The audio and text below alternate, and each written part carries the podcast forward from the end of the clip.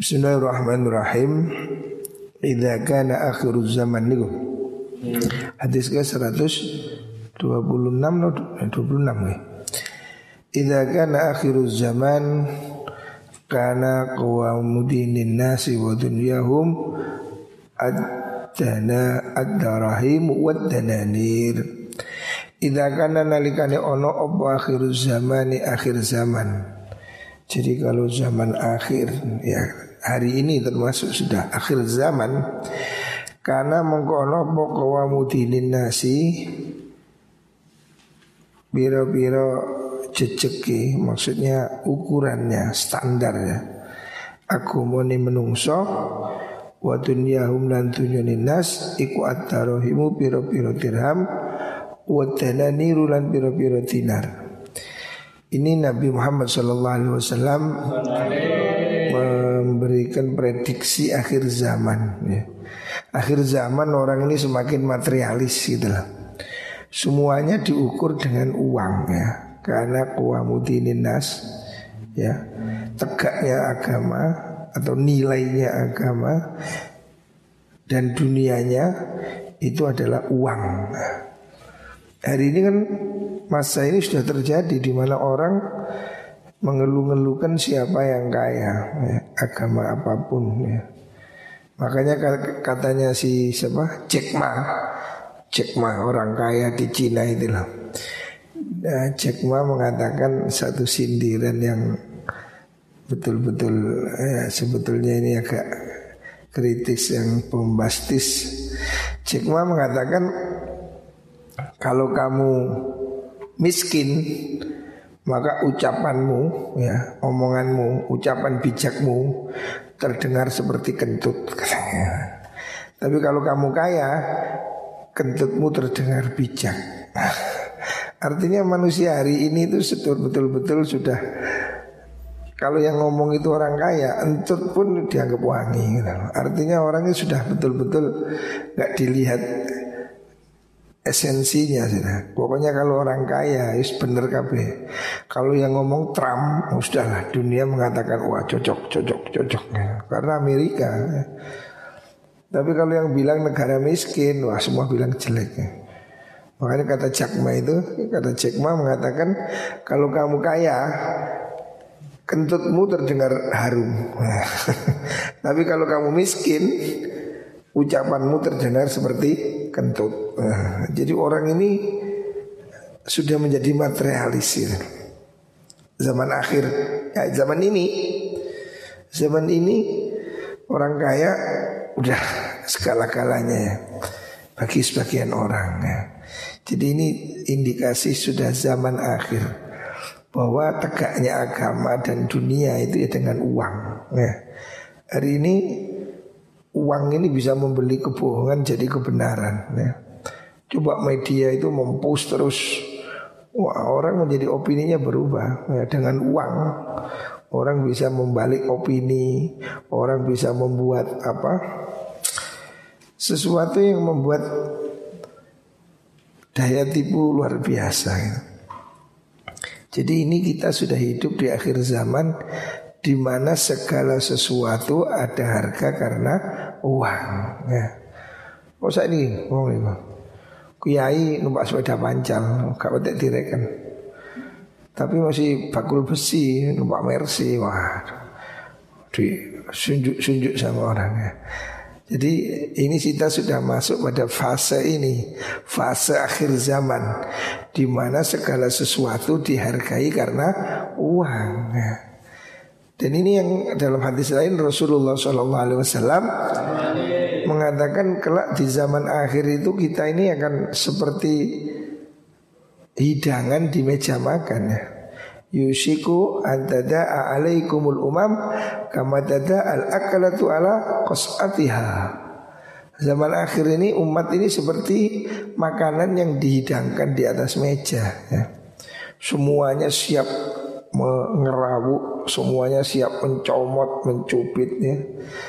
Akhir zaman nasib kita ini seperti nasi makanan di atas meja. Sahabat bertanya, "Amin killatin nahnu ya Rasulullah?" Apakah kita waktu itu minoritas? Sehingga kita ini kok dikeroyok orang seperti hidangan yang disuguhkan itu. Nabi mengatakan bal antum kasir. Kamu itu nanti besar waktu itu bukan kecil, kamu ini jumlah besar. Walakinnakum ka ghusais sail. Tapi kamu itu centang perenang seperti buih di lautan. Tidak ada kekuatan. Sendiri-sendiri, enteng, ya. Itulah penyakit zaman akhir yang kata Rasulullah Sallallahu Alaihi Wasallam disebut dengan al-wahan. Kamu akan zaman akhir itu terkena penyakit wahan. Apa itu wahan? Nabi menjawab hubbud dunya wa karahiyatul maut. Kamu akan dihinggapi penyakit cinta dunia dan takut mati. Ini yang membuat negara Islam berpecah-pecah ya. 23 negara Islam tidak mampu menghadapi satu negara Israel karena mereka berpecah menjadi 23 negara. Sementara Israel menjadi satu. Dan kekuatan umat Islam sekian miliar ini tidak mampu menyelamatkan Palestina. Masjid yang menjadi kiblat umat Islam sebelum Ka'bah masjid kiblat umat Islam itu Palestina. Hari ini tidak ada yang berdaya. Mestinya kekuatan Saudi Arabia cukup. Dia punya minyak, dia punya uang. Kekuatan Iran, kekuatan Irak ini itu semua tapi hancur semua.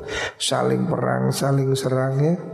Saudi menyerang Yaman, ini melawan ini, ini melawan itu. Semuanya menjadi kena penyakit wahan Nggak ada yang berani. Ya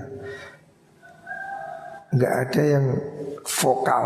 Ya. Turki mungkin akhir-akhir agak sedikit. Tetapi semua berserba kepentingan. Suriah hancur. Mana kepedulian yang lain? Orang sudah Amerika ikut Rusia ikut. Jadi bulan-bulanan. Padahal itu dulu Damaskus itu pusat peradaban.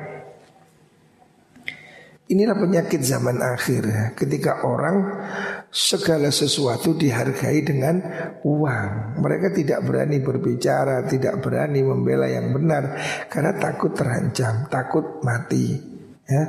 Semua takut sama Amerika Makanya kemarin terakhir Bagaimana Syekhul Azhar mengatakan kita ini semua terserah Trump Trump mengatur hidup seorang sedunia ini. Tidak ada yang bisa mengutapkan kebenaran. Kebenaran itu Amerika. Yang lain ya sudah kalau Amerika bilang teroris, teroris semua. Buktinya ada nggak ada nggak jelas. Irak dulu diserang karena apa? Ada biologi mana sampai hari ini? Nggak ada buktinya.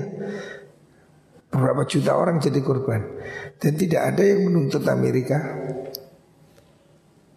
Makanya ketika saya ke Amerika tahun 2012 saya diajak mengunjungi satu museum Holocaust, museum pembantaian Yahudi.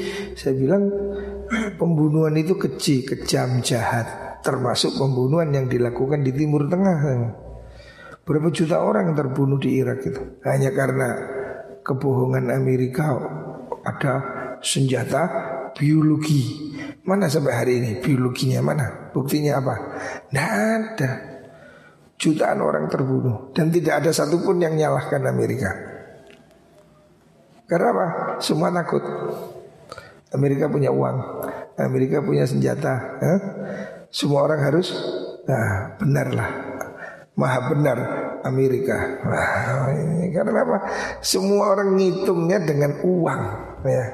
Kalau vokal nanti diserang. Ya. Waktu saya berada di Inggris juga begitu. Ketika saya ada diskusi di Leicester, ada seorang profesor namanya Profesor Richard Boni waktu itu ahli Timur Tengah. Dia non Muslim tapi berbahasa Arab dan dia mengarang kitab-kitab tentang Islam. Dia bicara dengan saya tentang jihad. Wah ini jihad, Ibnu Taimiyah ini itu Saya bilang problem dunia ini bukan jihad bro Problem dunia ini ketidakadilan Dia selalu bertanya saya bagaimana bom Bali Bagaimana ini kekerasan, terorisme. Nah, saya sampai tergerak untuk membuat satu kritik. Begini Prof, saya bilang. Dunia marah, ya kita marah. Ada bom Bali, oh, itu tragedi. Saya tanya pada dia, berapa Prof Anda tahu berapa korban bom Bali itu? 168 orang. Dia bilang, oke, okay, dunia marah, ada pengeboman, itu keji, itu biadab. Oke, okay, kita setuju. Ya, kita tidak suka terorisme. Ya, saya bilang, betul. Tapi tahukah Anda ada pembunuhan 10 ribu orang disampit di Kalimantan? Anda dengar? Tidak, saya. Anda dengar ada pembunuhan? Wah, di Poso. Tidak, ah, saya bilang. Begini Prof saya bilang.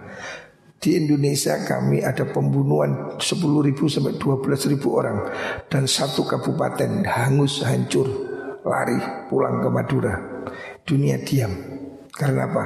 Karena korbannya muslim Tapi kalau bom Bali eh, Dunia marah Karena apa? Korbannya Australia Dunia ini tidak adil ya. Bom Bali kita dihujat habis-habisan Islam teroris, teroris, oke. Okay. Kita juga tidak suka kekerasan itu. Tapi saya bilang kenapa ketika kasus Sampit ada 12 ribu orang itu yang terbunuh itu. Dan buktinya masih ada sekarang. Membawa itu semua hancur. Semua orang terbunuh. Saya ada beberapa orang yang pulang dari sana menceritakan betapa keji pembunuhan itu.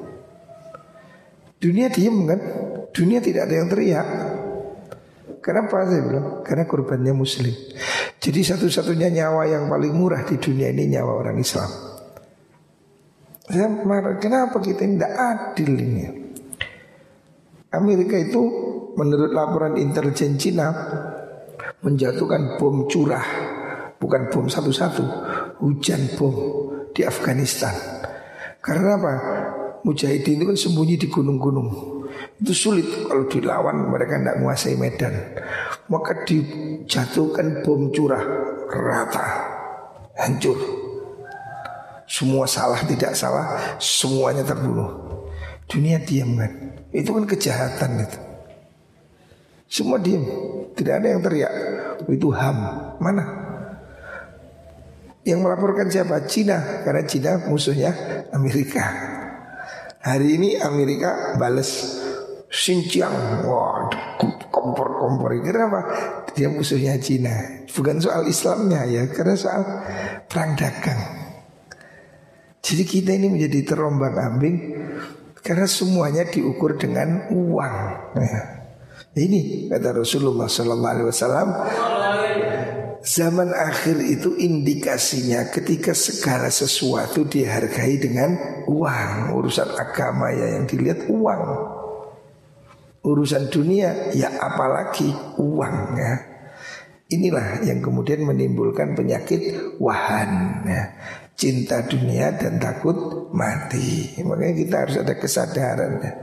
Jangan terus semua tunduk dengan uang gitu loh Ketika saya di Amerika, di saya melakukan diskusi di Portland, ada satu ada lembaga namanya apa uh, Muslim Education Educational Trust MIT.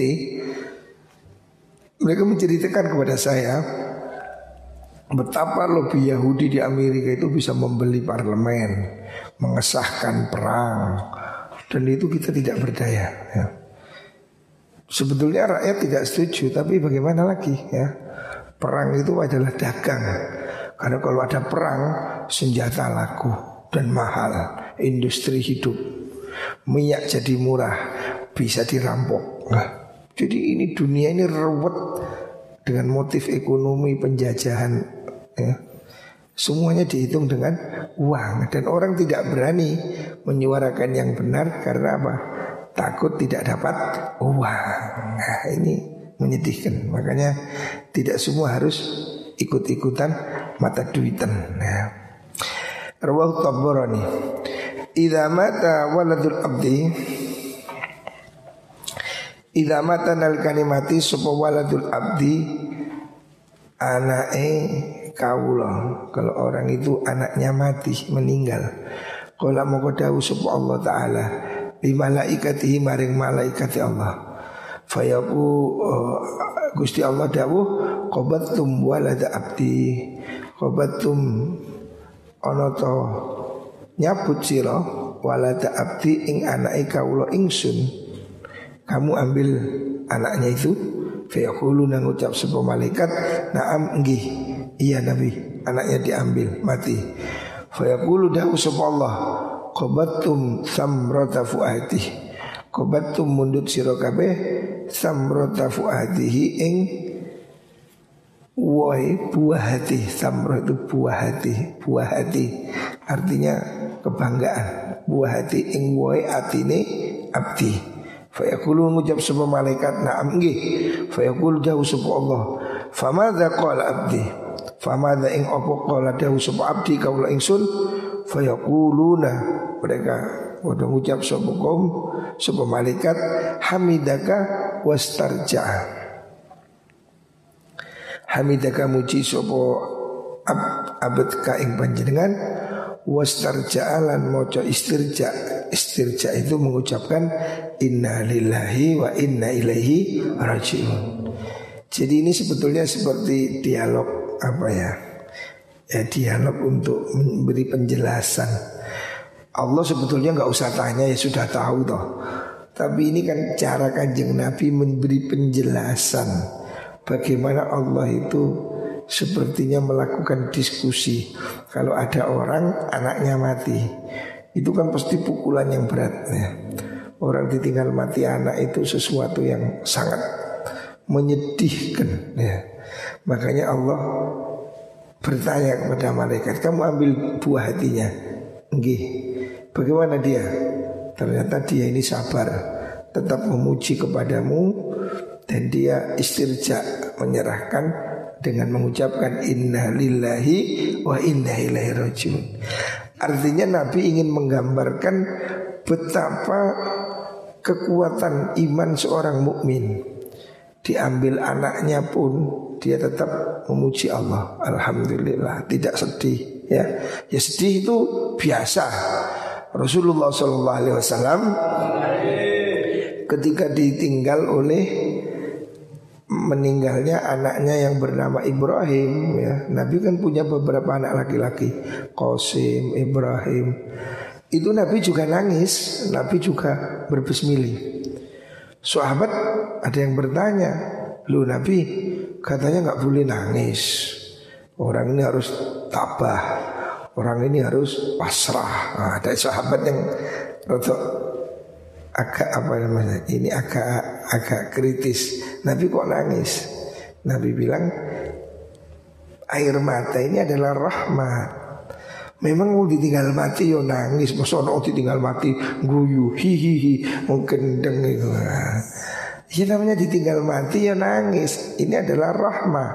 Malam yarham la yurham. Orang yang tidak punya belas rahmah tidak dirahmati Allah. Jadi tidak apa menangis Yang tidak boleh itu Nangis jerit-jerit itu yang nggak boleh. Jadi yang dilarang oleh Nabi itu Nangis sampai gulung kuming. Aduh mbok. Aduh mbok. Wajung kulitan. Nangis sambil guling-guling. Itu yang nggak boleh ya. Jadi memang ada larangan menangis Rasulullah SAW melarang orang menangis meratapi mayat Ya, dia nggak boleh itu menangis meratapi mayat.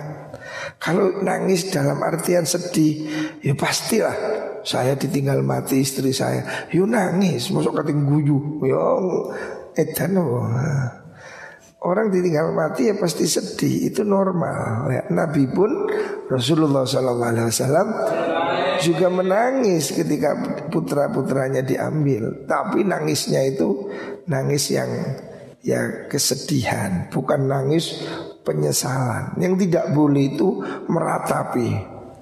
Jadi orang itu nuangis sampai geblak-geblak sampai telanjang, pokoknya kehilangan kesadaran itu yang nggak boleh gitu. Makanya kata Rasulullah Shallallahu mayat itu bisa disiksa oleh Allah karena tangisan dari keluarganya. Makanya biasanya kalau ada orang nangis, nangis jurut-jurit, dibilang sabar, kasihan mayitnya, kasihan jenazahnya, kasihan mayatnya. Karena memang ada riwayat Rasulullah melarang orang meratapi mayat, tidak boleh. Tapi kalau nangis dalam arti kesedihan itu boleh ya. Yang nggak boleh itu bengok-bengok, gulung kuming, merobek-robek baju sepertinya tidak rela dengan kematian. Nah itu yang tidak boleh, ngerti lah.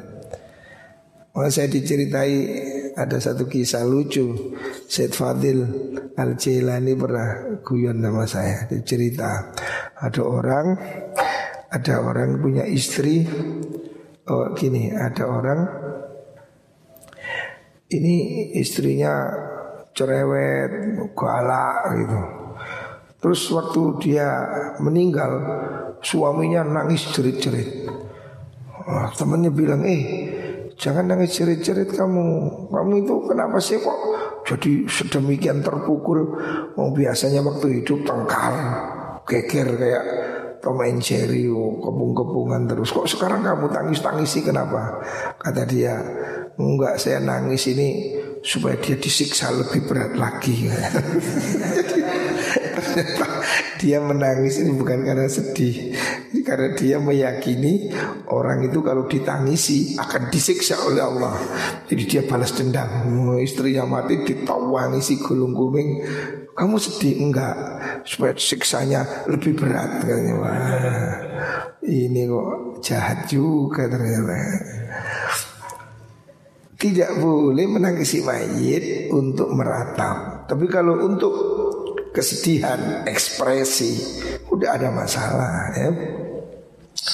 Fayaqulu ta'ala ubnu li baitan fil jannah Wasammuhu baital hamdi Allah itu ridho melihat hamba yang sabar begitu. Ditinggal mati anaknya Dia tidak mengeluh Tetap muji Allah Dan mengucapkan Inna lillahi wa inna ilaihi rajiun. Maka Allah katakan Ubnu li abdi Bangun sira kabeh li abdi maring kawula ingsun Baitan ing oma fil jannati ing dalem maka bangunkan dia rumah di surga. Jadi orang yang sabar itu oleh Allah dijanjikan rumah di surga. Wasamuhu Baital Hamdi. Rumah itu kamu beri nama di surga Baital Hamdi, rumah pujian. Artinya orang mukmin ini pada setiap kesempatannya kita ini hendaknya selalu memuji Allah fisarra'i wa dalam keadaan senang ataupun susah semuanya kita harus tetap memuji pada Gusti Allah. Karena Allah tahu hikmah di dalamnya ya. Ini bahkan ada sahabat ya. Saya ingat satu riwayat hadis saya di Ummu Salamah. Ada seorang sahabat anaknya meninggal.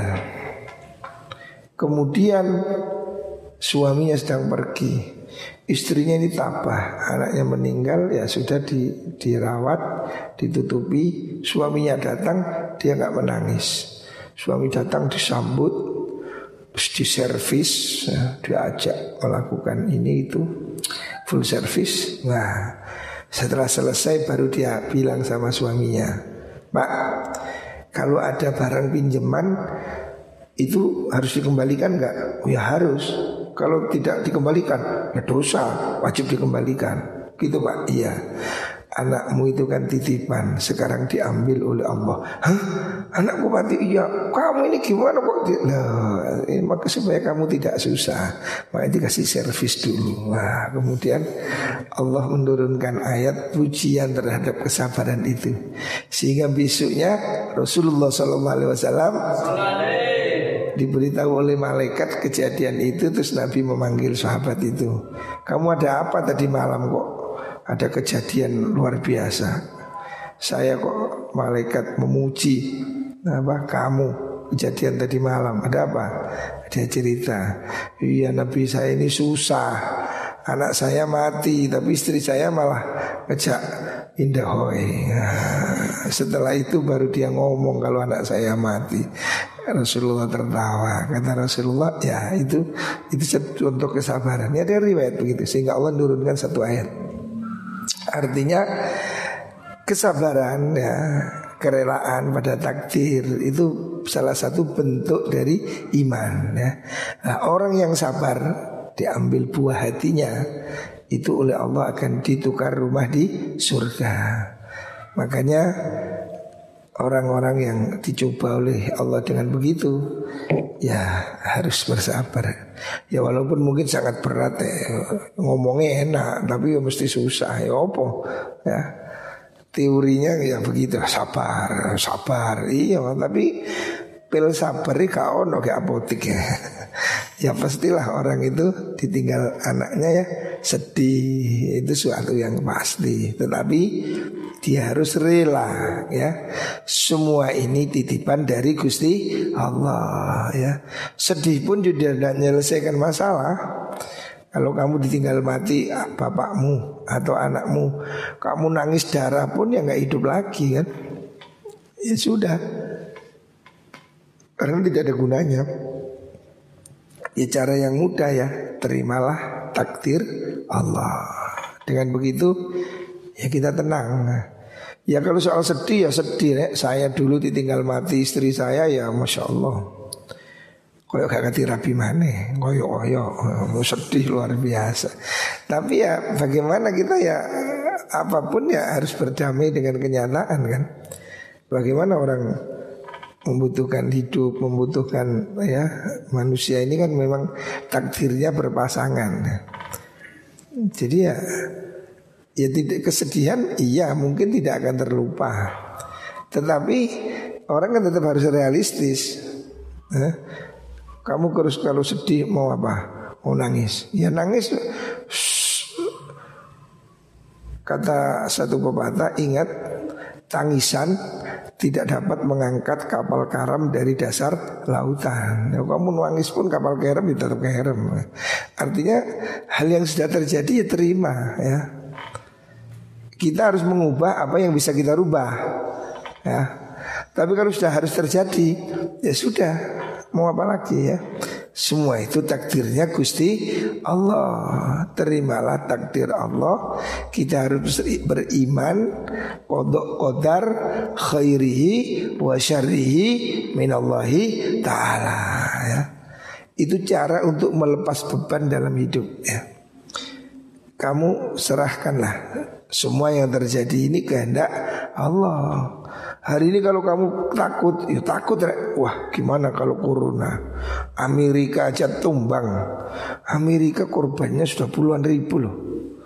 Padahal kurang canggih bagaimana Amerika? Spanyol, Italia. Uh, remuk kena corona ini. Indonesia ya lumayan lah. Indonesia ini korbannya belum seribu. Ya kecil. Amerika itu satu hari bisa dua ribu orang yang mati. Ya kan kalau nuruti takut ya takut. Tapi ya mau apa? Ya wis kita ikhtiar selebihnya pasrahkan pada Allah Subhanahu wa taala sudah pasrah kita ya. Apa yang bisa kita lakukan? Makanya salah satu resep ya. Resep untuk hidup tenang ya. Supaya kamu itu gak gampang susah ya kamu siaplah untuk kemungkinan yang terburuk. Ya. Yang terburuk itu apa? Dan siapkan. Ya. Itu kamu jadi tenang. Kalau enggak kamu susah terus. Yang terburuk apa? Ya.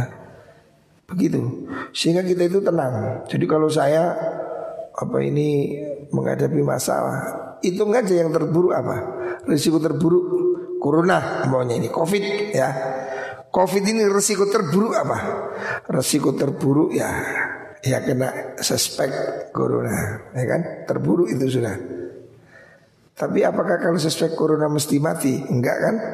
Buktinya yang sembuh lebih banyak ya. Indonesia ini kasus 9000 sekian yang meninggal masih di bawah 1000 yang hidup yang sembuh lebih besar 1000 sekian Kalau kamu siap yang terburuk, ya sudah. Seandainya takdir suspek, kita punya harapan hidup lebih besar. Karena dari kurban yang mati dan kurban yang sembuh di Indonesia lebih banyak yang sembuh. Akhirnya kita tenang.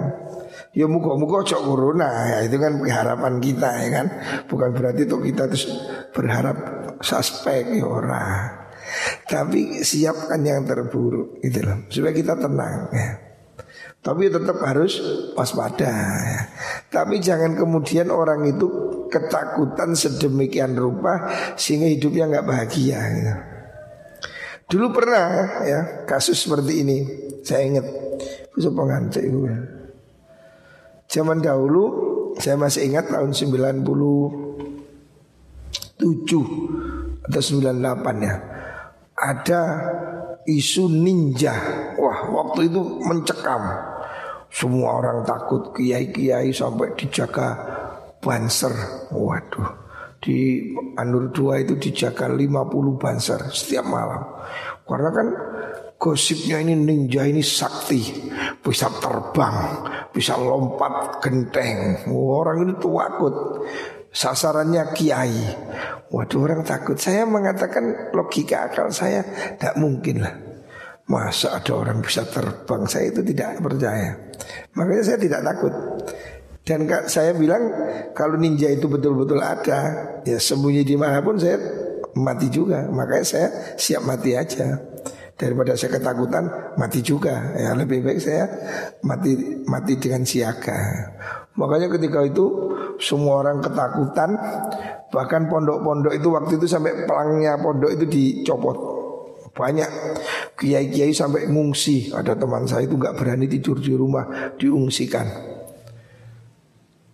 Di paman saya itu dijaga banser 50 saya bilang saya enggak lah saya enggak apa-apa ada orang datang Gus, papa nama nggak dicopot? Saya bilang enggak.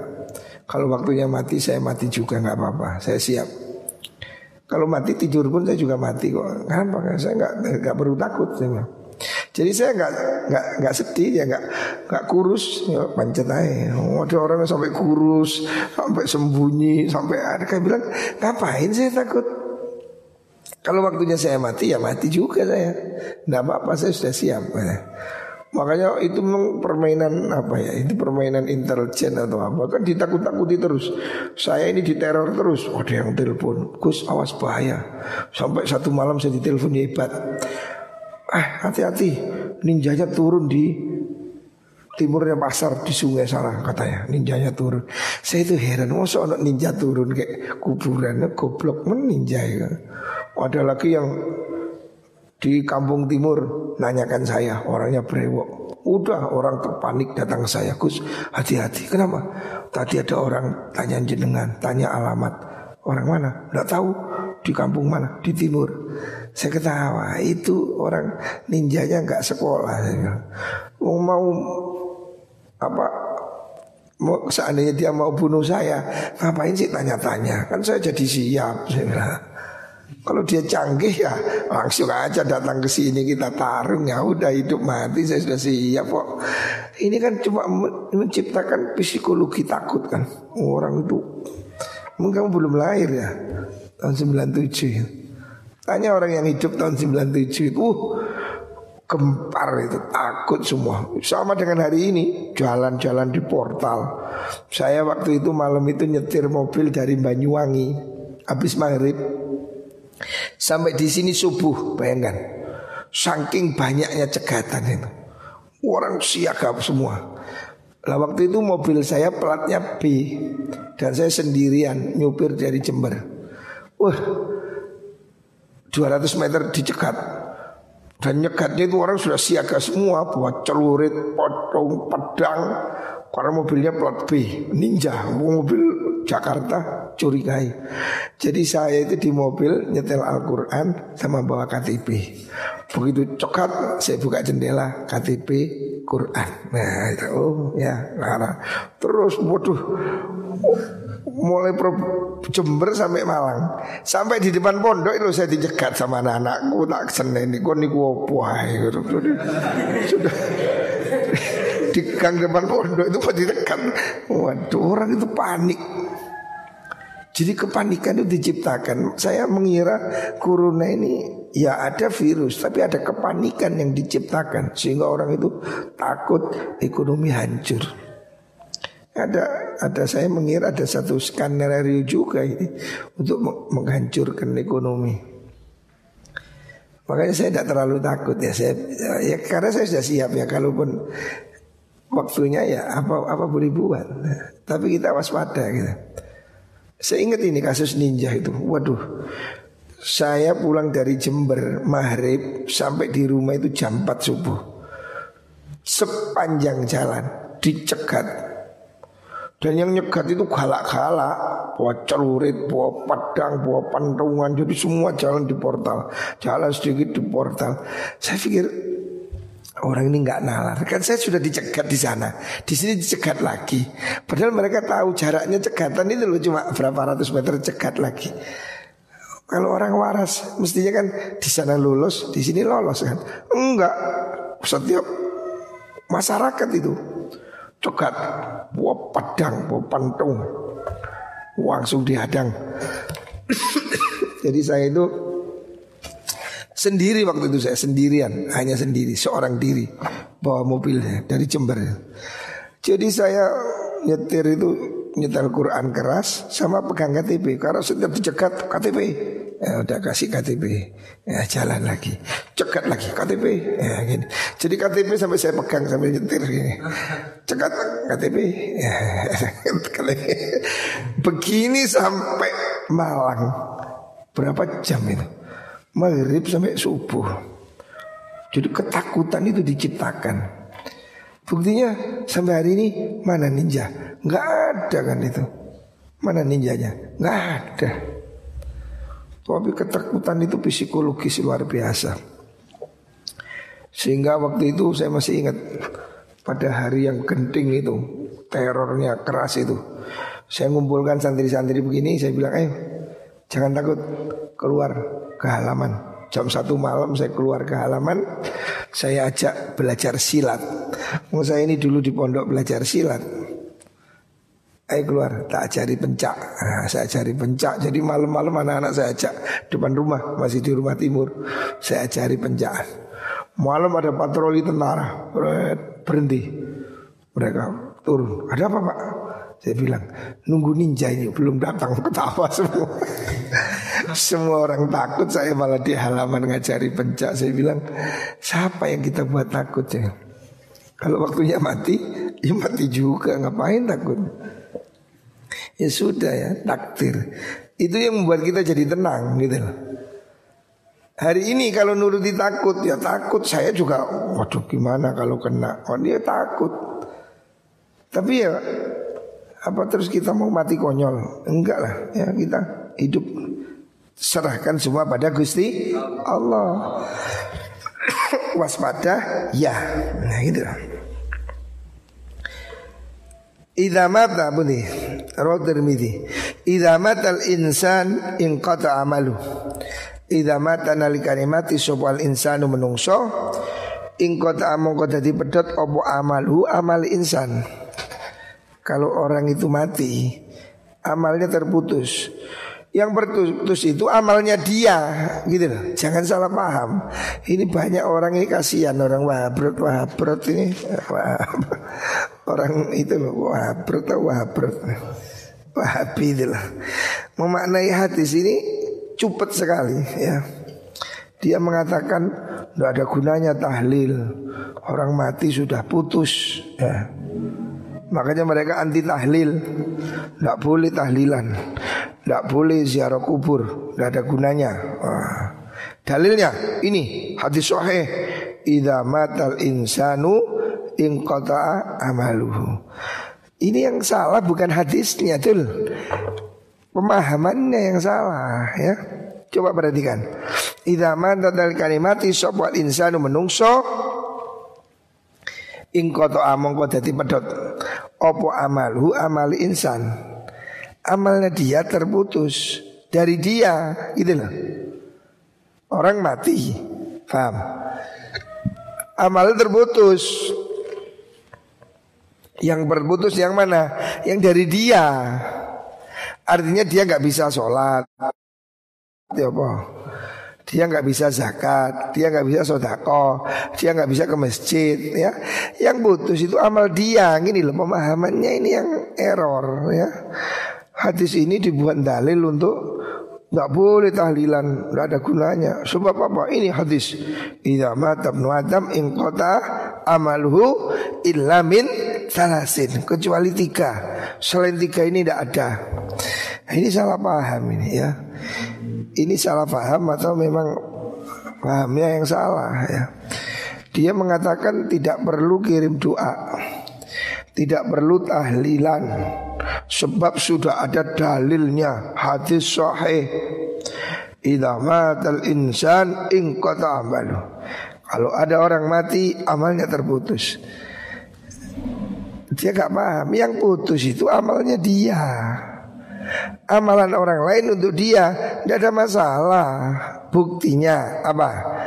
Buktinya kita ini contoh sing kuampil apa? Kita ini kalau Jumatan ya, kamu kalau sholat Jumat pasti kan imamnya harus doakan Allahumma lil muslimin wal muslimat. Itu Nabi yang ngajarkan. Nah kalau doa nggak ada gunanya, tahlil nggak ada gunanya, ngapain kita doakan Allahumma gfir lil muslimin wal muslimat? Oh? Apa sudah putus? Itu juga boleh didoakan. Ngapain Nabi nyuruh doakan? Ya kan?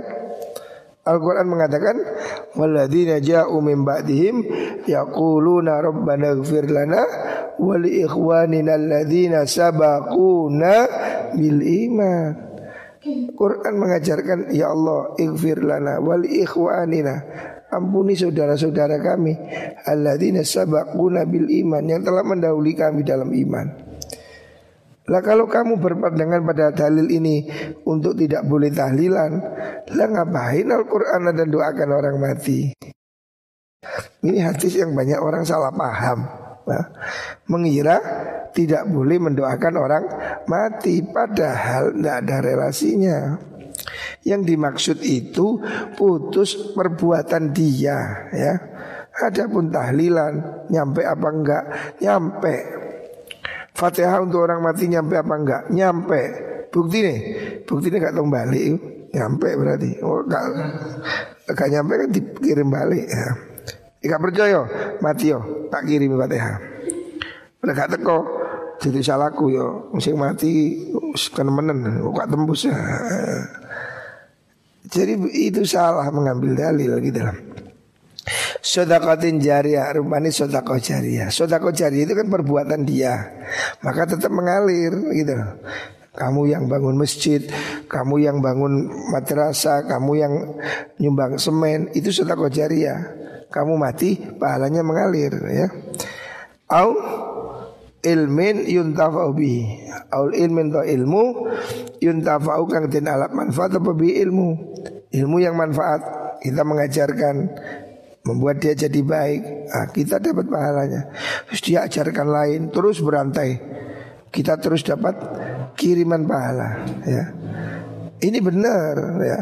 Walaupun kita mati, kalau kita jadi guru kebaikan kita insya Allah akan dilanjutkan. Saya mengajar hari ini, mungkin murid saya akan mengajar pada muridnya, muridnya akan mengajar pada muridnya terus dan kita dapat kiriman pahalanya. Ya, ini kan jelas ya. Asalnya dari perbuatan saya, gitu loh. Tapi tidak menafikan ada orang tahlil, ada orang sodako, tidak bertentangan. Ya. Au waladin solihin atau anak yang soleh yat ukang dunga no walad lahu maring wong. Doa anak soleh juga akan sambung pada dia ya. Doa anak soleh. Itu kan asalnya dari kita. Anak saya kan dia sebabnya dari kita. Tapi hadis ini sama sekali tidak menafikan tentang sampainya pahala doa, tahlil, sodako, bukan. Ya, hadis ini hanya menjelaskan orang itu kalau mati tidak bisa berbuat lagi. Makanya ada amalan dia yang masih bersambung Yaitu sodako jariah Ilmu yang bermanfaat dan anak yang soleh Tapi hadis ini tidak menjelaskan bahwa jangan dikirimi doa. Itu kan pikirannya Wahabi itu. Nabi nggak mengatakan begitu kok. Eh? Dalil ini tidak bisa dibuat alasan untuk tidak membolehkan tahlilan, tidak boleh kirim doa. Karena ada orang yang mengatakan ini tidak boleh tahlil, tidak boleh bid'ah. Hmm. Apa itu? Nabi tidak pernah tahlilan. Nah, kok ukurannya begitu ya? Nabi tidak tahlilan, Nabi mendoakan orang mati jelas. Tahlilan itu kan untuk doa toh. Masa orang tahlilan itu terus misa-misu, enggak ono. Mau tahlilan mau Quran kok gak oleh. Mau Yasin. Dia bilang anu tahlil boleh, tahlilan nggak boleh. Oh gitu, iya. Ya berarti pada mbak ini sarung boleh, sarungan nggak boleh. Itu siapa? Kamu tahu kamu kalian? Sembakan, sempak boleh, sembakan tidak boleh. Loh ya logika apa ini? Oh tahlil itu jelas boleh, kok tahlilan nggak boleh? Tahlil boleh, tahlilan nggak boleh. Oh, sarung boleh, sarungan nggak boleh. Ini logika apa lagi? Ya? Dua orang mati tidak boleh Lah kalau dua orang mati tidak boleh Ngapain Nabi mendoakan orang mati Ngapain Nabi ziarah kubur Ya. Ngapain khutbah itu selalu diwajibkan? Ada doa Allah maghfir lil muslimin wal muslimat. Itu kan bukan bapakmu Bukan dari anaknya kan Muslimin muslimat. Ngapain Nabi mengajarin itu Kalau memang nggak boleh? Nah ini argumen cukup untuk membatalkan apa yang mereka klaim bahwa tidak boleh mendoakan orang mati. Nah, saya kira bapakmu mati ditungak no. Doa agak sampai ya saya tak tungak no. Muka-muka bapakmu mlebu neraka, dipangan kalau jengking, dipangan ulo, dietrek-etrek oleh Oh jangan lo cari gak tembus. Eh, gak tembus ya tak tungak sing elek bisa. Ya apa? Ya apa? Ada orang riwayat gitu Teman saya katanya Siarah kubur Dikudik sama orang Eh pak Jangan doa pada orang mati pak syirik Siarah kubur Jangan doakan orang mati syirik Iya syirik Nah kamu ke sini apa? Ya cukup ziarah aja Oh ya wis kuburan bapak mundi Kono tak uyuane ya apa? Yo jangan. Lo cari gak, gak ada efeknya. Berarti uyu ya gak apa-apa, gak ada efeknya. Ditungakno gak oleh diisinge ya apa? apa? Ini kuburan bapakmu tak isingane. Oh, ditungakno kok gak oleh. Diisingi gak oleh. Ya lanjut gak ngefek. Diisingi gak apa-apa mesti nih ya. Ini orang logika tidak paham, tidak jelas ya. Makanya kita tetap doakanlah ya orang mukmin. Allah maghfir lil muslimin wal muslimat wal mukminin wal mukminat. Kita mendoakan orang lain kembali pada diri kita sendiri. Jadi jangan medit doakan awak dhewe. Jangan. Zaman dulu ada orang medit begitu. Dia doa begini. Allah maghfir Allah marham Allah marhamni wa Muhammadan wala tarham siwah. Ya Allah, beri rahmat pada saya dan Nabi Muhammad lainnya jangan diberi. Oleh Nabi dimarahi. Takut banyak talwasi. Kamu ini kok pelit. Kamu ini mem mempersempit sesuatu yang luas. Tuhan ini rahmatnya luas.